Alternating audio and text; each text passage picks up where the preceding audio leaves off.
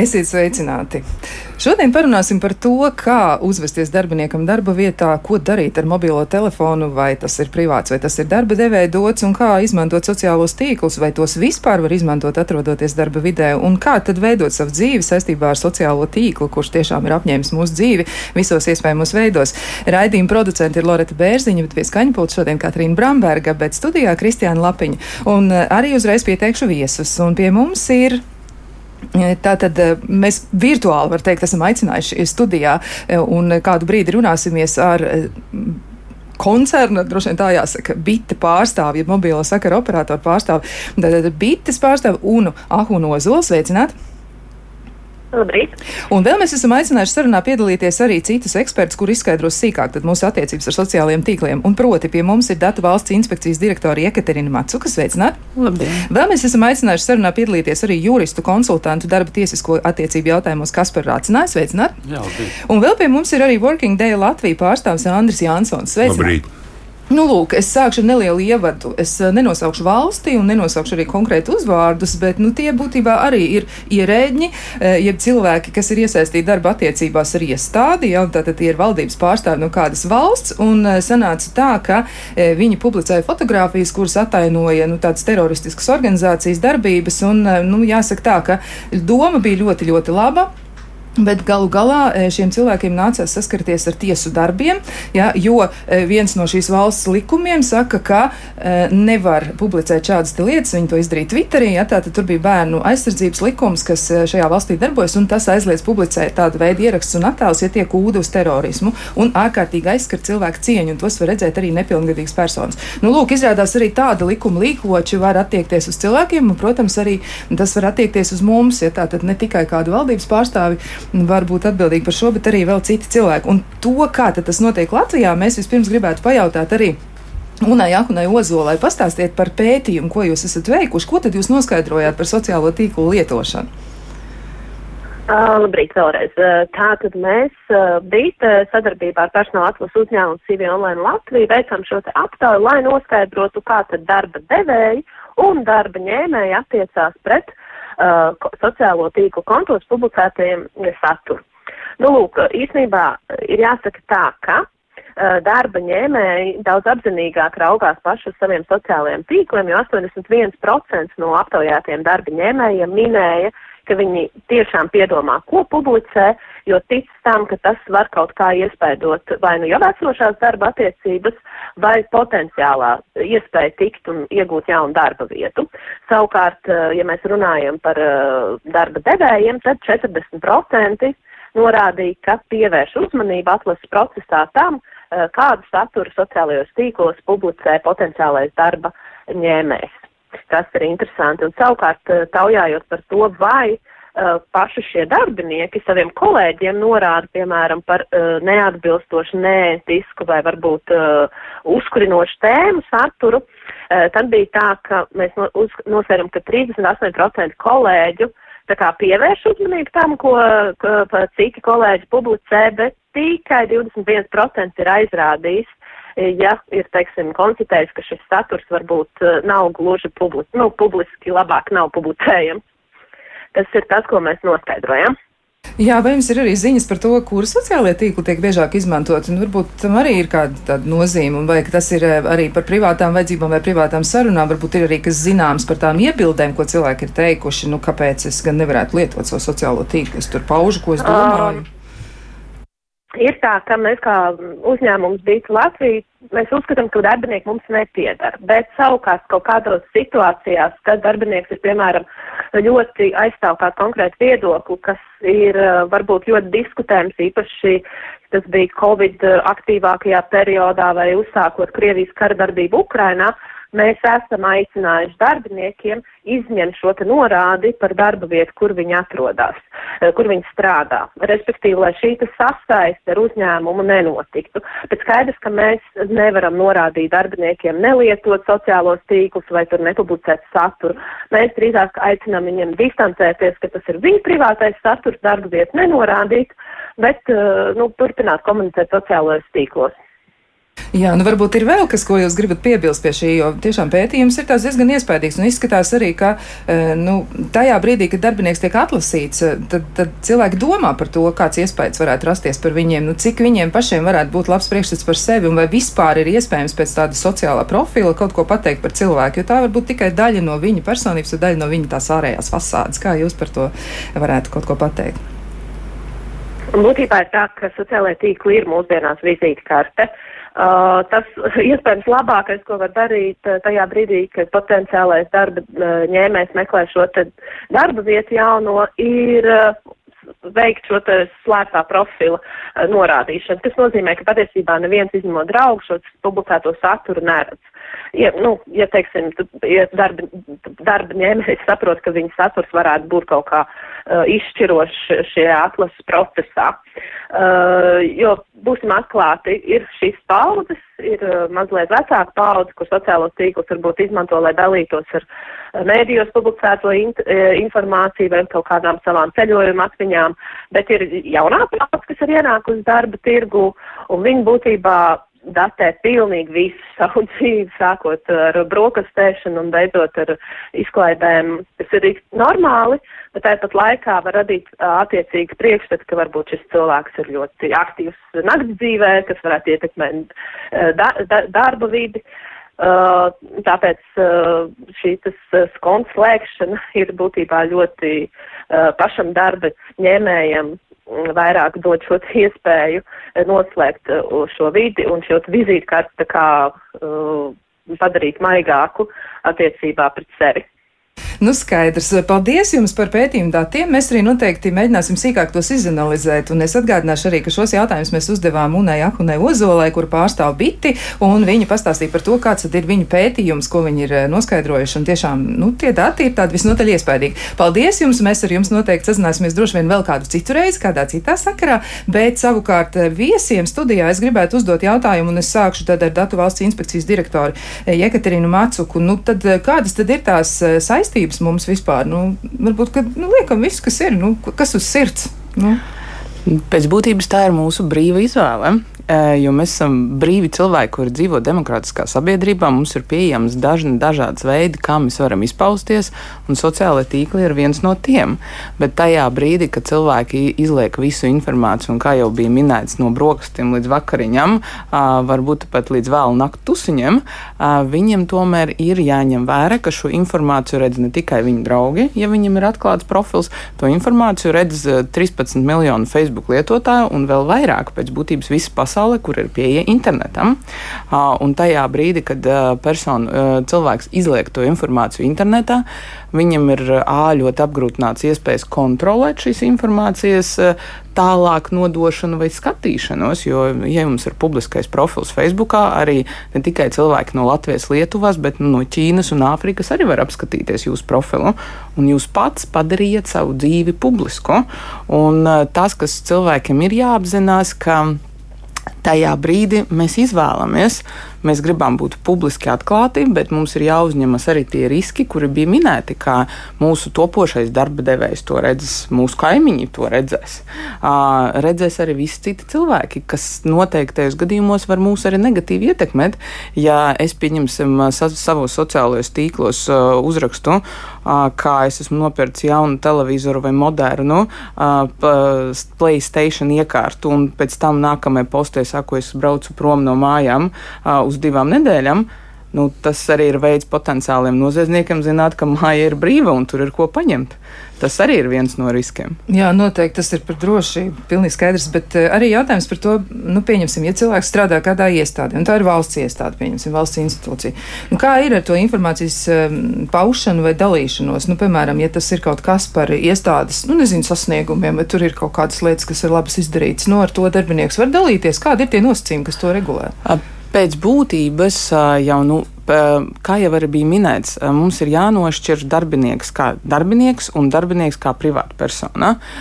Tajos gadījumos, kad darbinieks viņam ir sociālie tīkli, viņš, viņam tas ir privātais profils, tā ir viņa privāta lieta un privāta dzīve.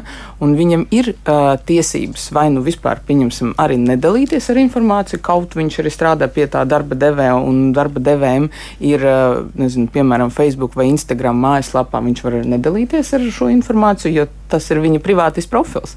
Vai no nu otrādi, viņam arī ir tiesības, protams, paust informāciju par darba devēja sniegtie, um, nu, sniegtiem pakalpojumiem, kas, kam ir jābūt, tad tai informācija ir jābūt tomēr patiesai. Uh, apgalvojums, nu, es nezinu, es strādāju CX un man liekas, ka viņi visi ir stulbi un viņu preces ir ļoti sliktas, uh, tomēr jau veicina arī uzņēmuma reputāciju, nu, attiecās uz uzņēmuma reputāciju un uh, var negatīvi to ietekmēt.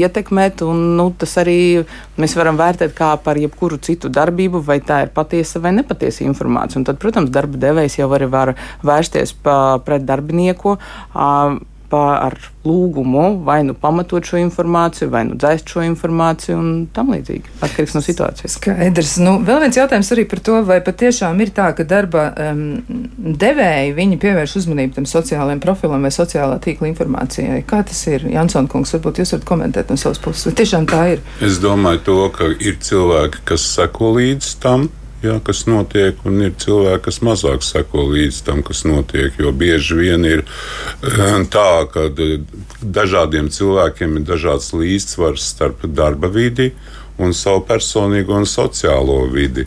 Ja mēs atrodamies vis visādos sociālos tīklos, ne jau tikai Facebook, tur ir Twitter, tur ir Instagram, tur ir vēl neskaitāmas lietas, tur kaut kādas velobraucēju portāli, staigātāju portāli. Nu, tās visas tā, visa tā sociālā, sociālā sadarbība ir nu, ļoti, ļoti plaša. Un tā pašā laikā vieniem cilvēkiem varbūt vienkārši nav tik daudz laika, lai būtu tajos sociālajos tīklos un pievērstam lielu uzmanību. Citiem cilvēkiem tomēr ir laiks. Es arī nu, pat dzirdēju to domu tādu, kā atlases periodā. Tas, kurš meklē šo darbinieku, tad, kad viņam parādās uh, kandidāts, tad varētu būt tā, ka viņš ierauga šo piedāvāto kandidātu ar visu viņa CV, ar darba CV, ar darba aprakstu. Eh, viņš, protams, var veikt ar pāris klikšķiem darbības, kurā viņš apskatās, kāds viņš izskatās Facebook, kāds viņš izskatās Twitterī, kāds viņš izskatās LinkedIn. Un attiecīgi, attiecīgi nemaz nerunājot ar šo cilvēku, par viņa personību, par viņa darba pieredzi, par viņa prasmēm, viņš jau izveido savu redzējumu, pieņēmumu, kāds šis cilvēks ir. Un es esmu dažreiz arī dzirdējis, ka mēs eh, piedāvājam kaut kādam, eh, kādam klientam izskatīt kādu kandidātu un redziet, kur viņa profesionālās prasmes izskatās piemērotas šim profilam. Varbūt mēs varētu viņu virzīt tālāk uz sarunām, aprunāties, kāds viņš ir. Un mums klients skaidri un gaiši pasaka, nē, es paskatījos Facebook, kā viņš, ko viņš tur vai viņa liek. Ne tādu mums nevajag. Un līdz ar to tā, tas cilvēks savā profesionālajā virzībā ir apstādināts jau. Tā kā tas ir principā pareizi, ka katram jāuzņemās atbildība par sevi kādā veidā viņš izpauž sevi dažādās dzīves situācijās. Ja? Tā tad tas būs. Jā, bet eh, vai tas gadījumā neparedz arī to, ka cilvēkiem veidojas nu, aplams priekšstats, jo ja kāds cilvēks ieliek savu bildi, kur viņš ir bijis pludmalē, es nezinu, ārkārtīgi jaukā izbraucienā ar ģimeni, un tajā pašā laikā viņš ir ļoti nopietns darbinieks, kas nu, var uzņemties atbildību, darīt daudzas lietas, ja? vai varbūt tas subjektīvais priekšstats, kas ir darba devējiem, nu, vai tas varētu būt par traucēkli, jo jūs nu pat izstāstījāt situāciju, kas veidina tā domāt, ka tas ir subjektīvs priekšstats un tā darbinieka potenciālās nu, prasmes viņas tiek ignorētas? Procesā, kad cilvēks uh, meklē darbu, un uh, kāds cits cilvēks dod darbu, vai uzņēmums dod darbu, un vēl pa vidu ir atlases kompānija, tad katram no viņiem ir savu viedokļu un uzskati. Un tā tad tas ir, nav tik sarežģīts, tas nav tik viegls process, ja kādā veidā to visu saslīpēt kopā. Jā, tā tad, ja, ja kādam no darba devējiem ir kāds stereotips vai aizspriedumi, tie noteikti ietekmēs to procesu jā, un neveicinās to lietu. Jā. Nu, tad tas ir jāpaturprātā. Var teikt, jāpieņem spēles noteikumi. Bet, ja mēs atgriežamies pie tā sadalījuma, privātā informācija. Nu, teiksim, profesionālā informācija, vai arī darbinieks un privāts eh, cilvēks savā privātajā dzīvē, ja tāds vienkārši civiliedzīvotājs, kurš eh, dzīvo to savu dzīvi. Eh, kas attiec uz darbinieku? Kādas ir tās juridiskā rakstura saistības? Kas ir tas, kas būtu jāzina, kas regulē vispār šo informācijas ievietošanu vai nu, publicēšanu? Mm. Jā, ja mēs runājam par darba likumu, tad darba likums šajā jautājumā ir diezgan skops, tādējādi atvērts. Proti, nav pateikts, ko darbinieks drīkstētu vai ko darbinieks nedrīkstētu. Līdz ar to tas pēc būtības ir vai nu pušu vienošanās jautājums, vai arī jāskatās, ir, kā darba devējs ir iekšējās darba kārtības noteikumos vai darba koplīgumos kaut kāds jautājums noregulējis. Runājot, piemēram, par to, ko darba devējs drīkstētu vākt vai nedrīkstētu vākt, arī Ja mēs skatāmies, piemēram, no darba sludinājuma viedokļa vai darba interviju viedokļa, likumā ir pateikts, kādus jautājumus drīkst vai nedrīkst uzdot, piemēram, darba intervijā. Un, tas, ko šeit vajadzētu vērst uzmanību, ka, piemēram, ja darba intervijā aizliegts uzdot jautājumus par grūtniecību, politisko pārliecību, reliģisko un tā tālāk, tad eh, tajā brīdī, ja darbinieks, potenciālais, potenciālais darbinieks ievieto savos tīklos informāciju, kas viennozīmīgi parāda to, ka viņi jau gaida bērniņu, vai tikko bērniņš ir piedzimis, vai šēro dažāda veida politiskos vai reliģiskos uzskatus un tā tālāk, ar to ir jārēķinās, ka pēc būtības jau līdz tā intervijai tu vari arī neaiziet, jo darba devējiem, kā arī iepriekš kungs minēja, jau priekšstats būs radies. Un principā tā likuma norma var tikt apieta tādajādi, ka darbinieks pats uz paplātes jau ir salicis vis, uh, priekšā visus aizliegt atbildes uz visiem aizliegtajiem jautājumiem, un viņš ir parādījis. Uh, un tādējādi darba devējiem jau ir ārkārtīgi elementāra situācija, ka viņam pat nebūs šādi jautājumi intervijā jāuzdod, jo darbinieks jau pirms intervijas uz tiem būs atbildējis. Līdz ar to tā ir svarīga lieta, par ko būtu jāsako. Un ir tāds teiciens arī, ka internetā mēs nerakstam ar zīmolu, bet ar pildspalvu. Tas nozīmē, ka tas, ko mēs tur esam ielikuši, nu, principā to vairs atpakaļ nedabūsim. Tāpēc ir ļoti jāseko līdzi tam, kāda informācija darbinieki tur ievieto. Jā, labi. Vēl jautājums arī par datiem un datu mm, kā, nodošanu vai publicēšanu vai ko citu. Kas ir tas regulējums par datiem, kas attiecas uz darbinieku, kas viņam būtu jāzina, nu, kā divreiz divi, ko viņš nedrīkst darīt? Attiecībā uz saviem personas datiem? Nē, tieši runājot par viņu kā par darbinieku, kurš ir savā profesionālajā statusā.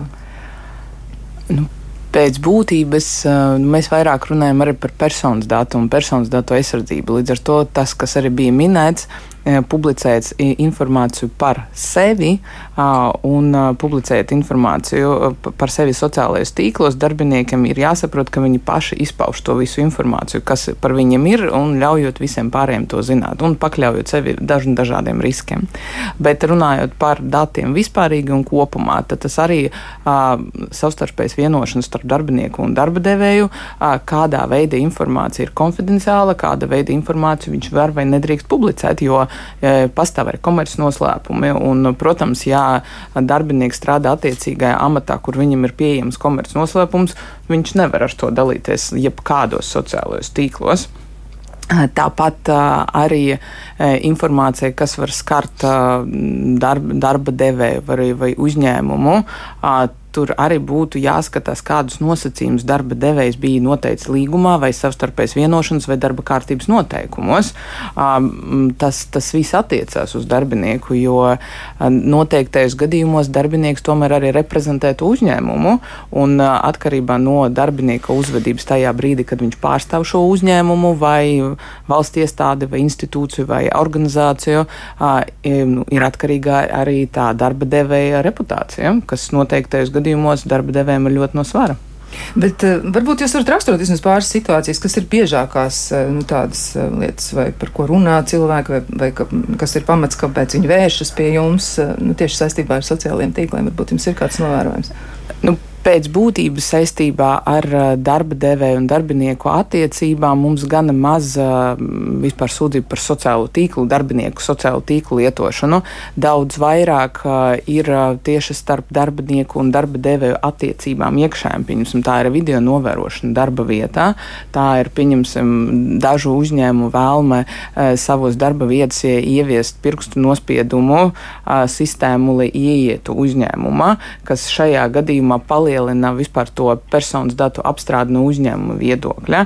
Un tas ir tas, kas vairāk satrauc darbiniekus un par ko mēs saņēmam sūdzības attiecībā uz sociālo tīklu lietošanu.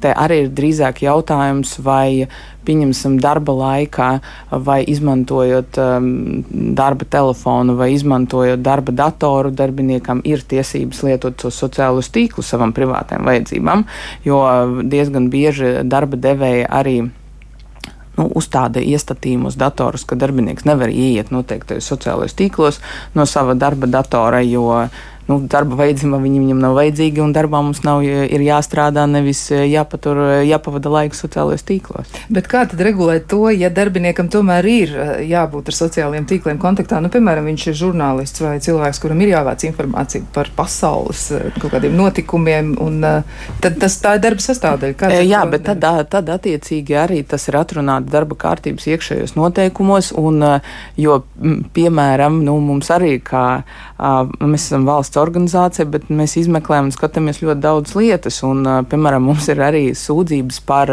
iepazīšanas portālu vai informāciju, kas ir publicēta par cilvēkiem pornu portālos. Un noteiktais gadījumos darbiniekam arī vajag atļauja, lai ietu šajos portālos un apskatītos, vai tiešām par to cilvēku šī informācija tur ir publicēta, un viņi to izmanto darba vajadzībām. Jā, nu jā, tad ir arī vēl tādi dažādi atslēgu vārdi, kas arī var mulsināt, jā, un tad varbūt tas ir darba nolūkos vajadzīgs, ir jāmeklē kaut kas, kas ir aizliegto vārdu sarakstā, ja tā ir darba sastāvdaļa. Nu, uz, uz šo jā, es, pieņemsim, atceros vienu gadījumu, kad nu, pieņemsim viens no vārdiem, kas, kas arī tāds, var teikt, aizliegtu vārdu sastāv ir pornogrāfija, bet tajā pat laikā ā, nu, Tieslietu ministrija, cits ministrijas izstrādāja likumu par šo, un tur bija tas vārds. Un, protams, viņi viņu lietoja ēpastos un, un arī savā datorā. Nu, skaidrs, tā, tādā veidā situācija tiek atrisināta. Nu, vēl arī varbūt ir kaut kādi ieteikumi attiecībā uz šiem datiem vai datu drošību. Varbūt uh, jūs varat kaut ko vēl pateikt, nu, kas noteikti ir jāņem vērā. Tad, nezinu, trīs svarīgākās lietas. A, nu, pēc būtības es teiktu vēl vienu reizi e, apdomāties, vai jums ir vajadzīgs atklātais profils, jo tas nav saistīts tikai ar darbinieku un darba devēja, darbinieku un darba devēja attiecībām, bet arī ar, ar darbinieku kā pašu cilvēku un personību. Līdz ar to mēs vienmēr iesakām cilvēkiem tomēr veidot slēgtos profilus. Ja jūs neesat blogeris, influenceris un jūs ar to nepelnat naudu, un tas daļai nav jūsu komerc, vai nu jūs nesat, pieņemsim, mākslinieks, kuram ir jābūt pieejamam un publiski zināmam, tad labāk veidot slēgto profilu un jūs izvairīsieties no daudz, daudziem riskiem, gan savai drošībai, gan arī pieņemsim to, ko mēs minējam attiecībā uz darba intervijām, jo tad tiešām ir jāsaprot, tad, kad mēs piedalāmies piedalāmies darba atlases procesā, mēs atnākam uz interviju, mēs atbildam uz noteiktiem jautājumiem, un darba devējiem ir no attiecīgs priekšstats iespējami topošajam. Bet tajā brīdī, kad viņš paskatās par mūsu sociālos tīklus, nu, tas jau ir tāds, es teiktu, pirms intervijā, kur viņš arī jūs jau ir novērtējis. Nu, tas viennozīmīgi. Un tāpēc labāk veidot slēgtos profilus, nevis kā atklātos. Un tajos gadījumos, kad darbinieks uzsāk attiecības ar darba devēju, es teiktu, būtu jānosaka tas konkrēts vienošanas, vai darbiniekam ir tiesības vispār norādīt savu darba vietu sociālajos privātajos tīklos, jo noteiktais gadījums tā ir viņa privāta dzīve, nevis sasaistē ar uzņēmumu, un kādi ir arī tie ētikas standarti, kuri ir uzņēmumā. Jo Piemēram, nu es tā kā varu pateikt par piemēru, es strādāju Datu valsts inspekcijā. Uh, nu, mans tā kā arī kā amata pienākums ir uh, sargāt datus, un tas būtu gana amizanti, ja es pati savā profilā, mans profils būtu atklāts, un es tur publicētu informāciju par visiem citiem cilvēkiem. Tas nozīmētu, ka pēc būtības mans amats un kompetences nu, nonāk pretrunā ar to, ko es daru īstenībā. Un es teiktu, ka katram darbiniekam arī ir lietojot sociālus tīklus un strādājot konkrētajā uzņēmumā būtu jāpiedomā, lai tomēr viņu profesionāla kompetence nu, nenonāktu pretrunā ar to, ko viņš dara. Nu, ja viņš ir ārsts, kurš stāsta televīzijai cilvēkiem, cik slikti ir pīpēt, bet savos sociālajos tīklos pasaka, cik labas jaunas cigaretes ir vai cigārs, nu, tas, tas ir tie jautājumi, par kuriem būtu jādomā. Tad viņš pats riskē ar savu profesionālo reputāciju. Nu, jā. Viņam neviens neticēs. Nē, jā, tieši tas arī ir tajā brīdī, kad mēs kaut ko darām kā privāta persona. Mums arī jādomā, kādā veidā tas var ietekmēt mūsu profesionālo rīcību. Jā, bet um, jautājums arī par to, vai var aizliegt ar likumu, vai pamatoties uz kādu likuma pāntu vai juridisku, juridisku nosacījumu, nu, aizliegt lietot sociālos tīklus darba devējs. Jūs teicāt arī par koplīgumu, un šo jautājumu es uzdodu mm, Kasparam Rācinājumam. Varbūt jūs varat komentēt, kas tad vēl tur būtu mm, sagaidāms, ko darba devējs var darīt. Tātad, ja mēs runājam par to, vai darba laikā drīkst lietot sociālo tīklu, ja tas nav saistīts ar darba vajadzībām, tad es teiktu, viennozīmīgi šāda iespēja ir. Macuks kundze jau arī minēja, ka šādas lietas arī notiek, jo darba laiks ir paredzēts darba pienākumu izpildēji. Darba devējs ir tas, kurš dod uzdevumus, ko darba laikā darīt. Un, kā jūs arī minējāt, ja liek meklēt visādus atslēgvārdus, un tas ir ar darba specifiku saistīts, tad darbiniekam par to nav jāsatraucās, jo ja viņš var pierādīt, ka cik tālu tas ir saistīts ar darba pienākumu izpildi. Ja mēs runājam par to, vai darba devējs varētu aizliegt darbiniekam lietot sociālos tīklus, piemēram, ārpus darba laika, viennozīmīgi nē, jo atpūtas laikā darbinieks dara, ko grib. Nākamais jautājums varētu būt, vai darba devējs ir tiesīgs ierobežot, piemēram, darbinieka um, kaut kādu izpausmi ārpus darba laika savos sociālajos, privātajos kontos. Šis jautājums jāskata ļoti plaši, un katra situācija būtu jāvērtē individuāli. Jo vārda brīvība kā tāda un katras personas tiesība izpausties ir ārkārtīgi augstā vērtībā, un ierobežojums būtu jāskata ļoti, ļoti šauri. Tātad, piemēram, ja man ir kaut kāds reliģiskais viedoklis vai politiskais uzskats, man ir tiesības to brīvi arī paust. Pat ja manam darba devējam nepatiktu, kurā partijā es esmu iestājies, vai kādu politisko kustību es atbalstu, vai no rīta es lūdzu Jēzu Kristu, tā nav darba devēja darīšana. Tātad man būtu tiesības savos sociālajos tīklos arī šādu informāciju paust. Ja es savos sociālajos tīklos aicinu uz vardarbību, uz naidu, agresīvu rīcību vienam pret otru, tas jau ir smagāks gadījums. Un šeit būtu jāvērtē, protams, gan no administratīvā, gan no krimināltiesiskā viedokļa. Un, ja tiek konstatēts, ka šī sarkanā līnija ir pārkāpta, tad, protams, darbiniekam varētu būt arī nepatikšanas darba vietā par to, ka viņš šādu informāciju ir paudis. Jo, piemēram, bet arī šeit ir jāskatās salīdzinoši šauri, jo ne katrs darbinieka pārkāpums kas ir ārpus darba tiesiskajām attiecībām, ir korelācijā ar darba pienākumu izpildu. Jo tādā gadījumā darbiniekus jau varētu atbrīvot arī par to, ja viņš pārkāpja ātrumu vai jebkuru administratīvo pārkāpumu. Ne tur nolika mašīnu, tagad atbrīvos no darba. Tātad te ir jāskatās, kā viņa darbības sociālajos tīklos uh, ietekmē vai uh, tieši negatīvi var radīt kaut kādas negatīvas sekas darba devējiem. Tas, ko arī Jekaterina minēja saistībā ar profesionālo darbību. Ja tu esi uh, atbildīgs par vienu konkrētu sfēru un ārpus darba laika, tu, piemēram, uh, lietas uh, informācija, kas ir pilnīgā pretrunā, vai stāsta, ka tās ir pilnīgas muļķības, ko tu savukārt darba laikā stāsti, nu, tad šeit varētu būt jautājums par lojalitātes pārkāpšanu, jo darba tiesiskās attiecības no vienas puses kaut arī ir līgumiskās, tajā pat laikā darbinieka saistība ir arī uh, uz, uh, atbildēt par to, lai nedarītu darba devējiem tiešus, netiešus zaudējumus, kā arī, piemēram, šī lojalitāte. Protams, arī tā nav absolūta, un katrs gadījums būs jāvērtē individuāli, bet uh, lielajās līnijās, cik tālu tas pārkāpja ētikas robežas un jau iet uz administratīvo kriminālu atbildību, tad arī šeit būtu jāskatās šī sasaiste, kā darbinieka pretiesiska rīcība var ietekmēt arī tieši darba devēju. Skaidrs, jā, nu vēl ir diezgan daudz jautājumu, ko apspriest par šo te tematu, bet to visu mēs darīsim pēc īsa brīža.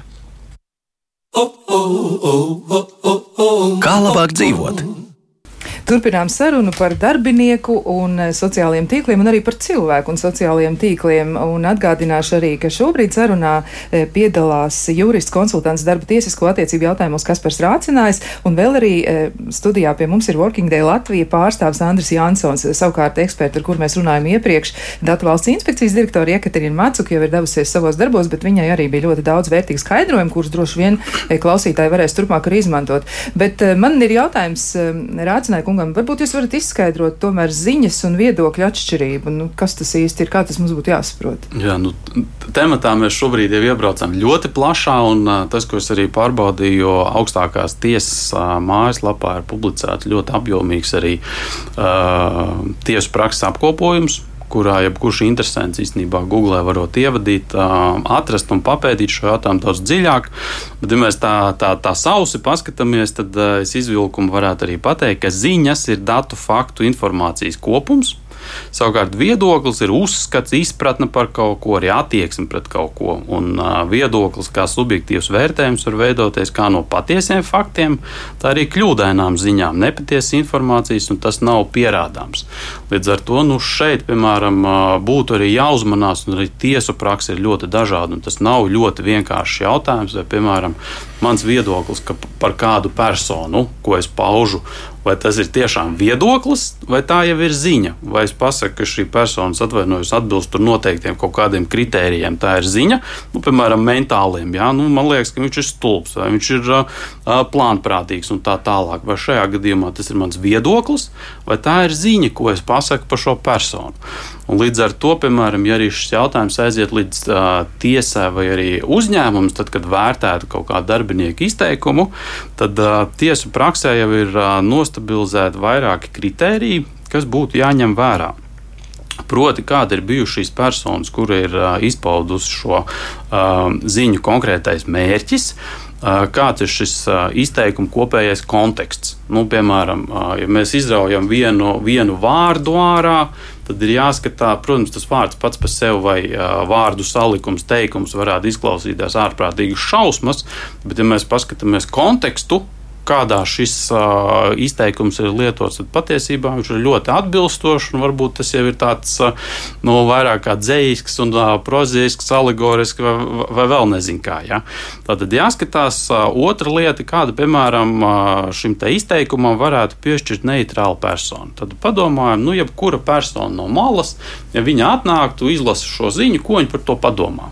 Vai tiešām tā būtu, piemēram, aizskaroša vai par kaut kādu nicinošu, agresīvu un tā tālāk. Tad, tad tas ir otrs kritērijs, un, protams, arī paša autora skaidrojums. Tātad, ko es izsakoties esmu ar šo domājis? Piemēram, tas, kas ir nu, mākslinieku kontekstā, paskatoties, jau, jau, jau smieklīgi tāda lieta, ka autoram dažreiz ir ļoti interesanti paskatīties Uh, ko tad es esmu ar to gleznu īsti domājis? Nu, atliek izlikt kādu fotografiju, nu, man, piemēram, patīk fotografēt, ieliek Facebookā, nu, un tā es varu palasīt, ko cilvēki domā, ko viņi tajā, ko tad autors ir domājis ar to. Bet patiesībā pajautājiet, ko es esmu gribējis ar to bildi pateikt. Un iespējams, ka tas ļoti atšķirsies no tā, ko cilvēki ir redzējuši. Bet arī šeit tas liecina par to, ka ņemot vērā manis teiktais, var atšķirties no tā, ko citi uztver.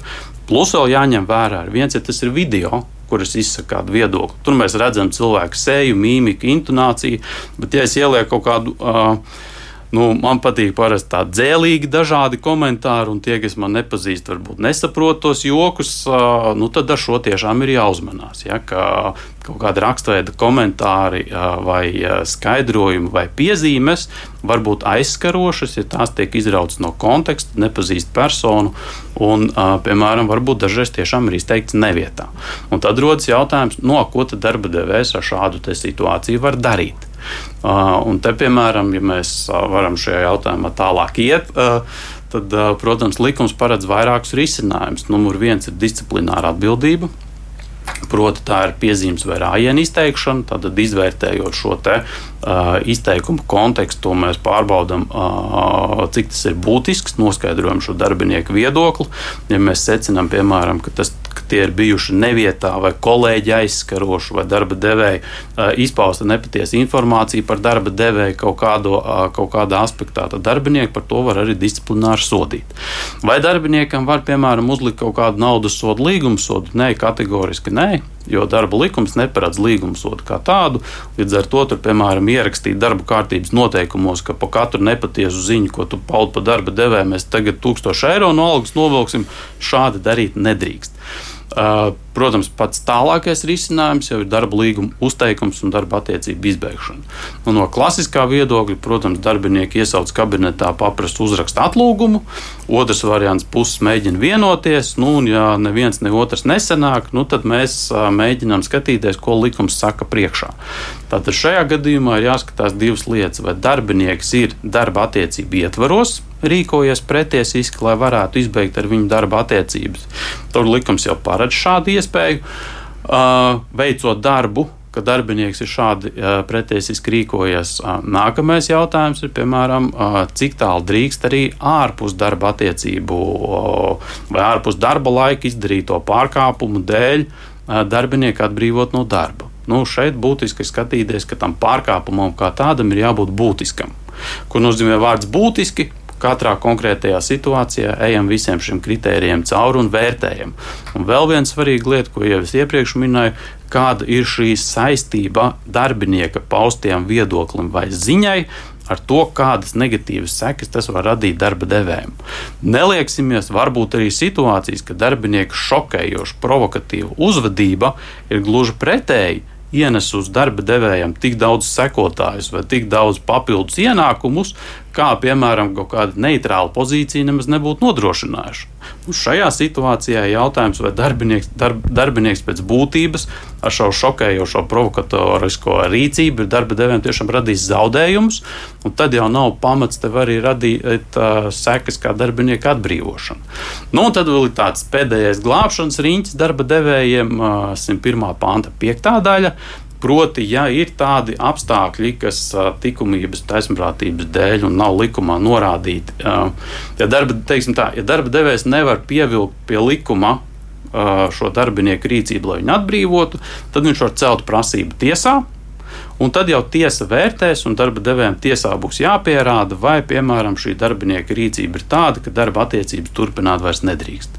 Nu, tā īstais kurs, kā, kā tikt galā ar darbiniekiem, kurus uzskata par uh, kaut ko pārkāpušiem, bet neaizmirstiet, ka arī Arotbiedrībai un darbinieku pārstāvjiem ir būtiska loma, jo pirms darba līguma uzteikšanas darba devējiem ir jāsaņem arotbiedrības piekrišana, ja darbinieks ir arotbiedrības biedrs.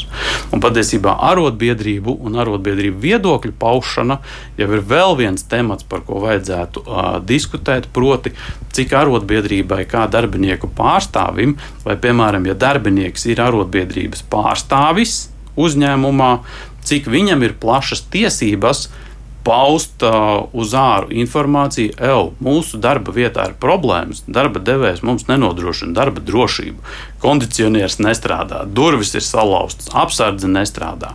Vai par šīm lietām un cik tālu drīkst nest uz āru? Bet arī šeit būs jāskatās šis ziņu kritērijs vai viedokļu kritērijs. Tā ir ļoti šaura robeža. Tieši tā. Reizēm pat grūti pamanām. Bet es gribētu uzdot jautājumu arī Jansona kungam, balstoties uz viņa novērojumiem. Nu, kas ir tas uh, labās uzvedības kodeks, ko jūs varētu nu, savukārt izveidot vai varbūt ieteikt tiem cilvēkiem, kur tomēr aktīvi izmanto sociālos tīklus un uh, viņiem arī reizēm ir atvērtie profili, bet kas tad ir tas, ko jūs ieteikt ņemt vērā? Ja cilvēks tomēr ir ļoti aktīvs, viņš ir iesaistījies, bet uh, viņš ir potenciālais darba ņēmējs, viņš varētu arī raudzīties pēc jaunas darba vietas. Ko jūs teiksiet no savas pieredzes?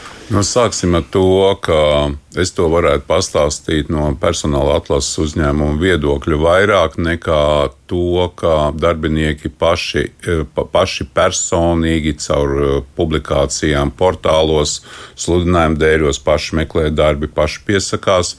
Es to visu esmu vērojis no personāla atlases viedokļa. Eh, es domāju, ka visiem vajadzētu saprast to, ka fizisko personu datu aizsardzības likums mums, kā strādājošiem tādā industrijā liek ļoti respektēt uh, personas datu aizsardzību. Ja. Uh, mēs varam operēt tikai ar uh, publiski pieejamām uh, datubāzēm, kā piemēram tāds ir LinkedIn, ja, par to, ka mūsu uzdevums ir uh, izprast, kāds cilvēks, šāds cilvēks atrodas darba vidē. Um, ja mēs uh, tāds piemērs, kas liecina par to, ka mums ir jārespektē uh, uh, cilvēka personīgie dati, ir tādi, ka, ja viens no mūsu darba pienākumiem ir savāda atsauksmes par darbinieku, kurš varētu būt izvēlēts kādam darbam, mēs, mēs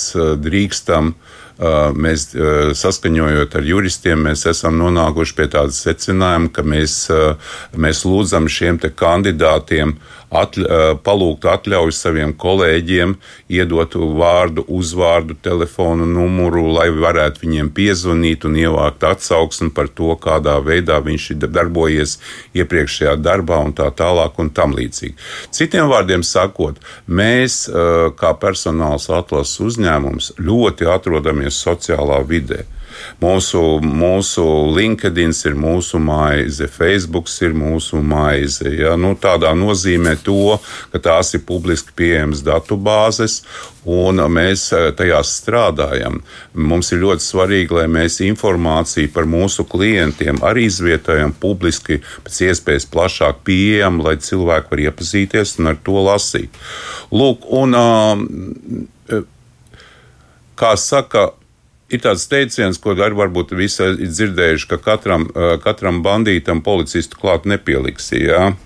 Tāpat arī katram sociālā tīkla lietotājam nepieliksi tur ētikas un izvadības normas audzinātāji, bet ja mēs par to ierunā, ierunājamies, jā, tad pirmais ieteikums būtu tāds, ka lūdzu ņemiet vērā to, ka ir darba devēji, kuri vairāk skatās šo vidi un skatās, kā jūs sevi izpaužat, un arī ir arī darba devēji, kuriem vienkārši varbūt pat nav laika sekot līdzi tam visam, kādā veidā jūs tur izpaužaties. Ja. Ir uzņēmumi, kuri ļoti aktīvi sociālajās vidē, vidē, jo viņiem ir jādemonstrē savi darbi, savi pakalpojumi, savus ražojumi, savi sasniegumi un tā tālāk un tam līdzīgi. Un tā ir dabiska situācija, kā arī sociālajos tīklos mēs sevi reklamējam, popularizējam lepojamies un tā tālāk. Un tāpat arī ar to var arī darīt darbinieki, un tas nav aizliegts. Ja.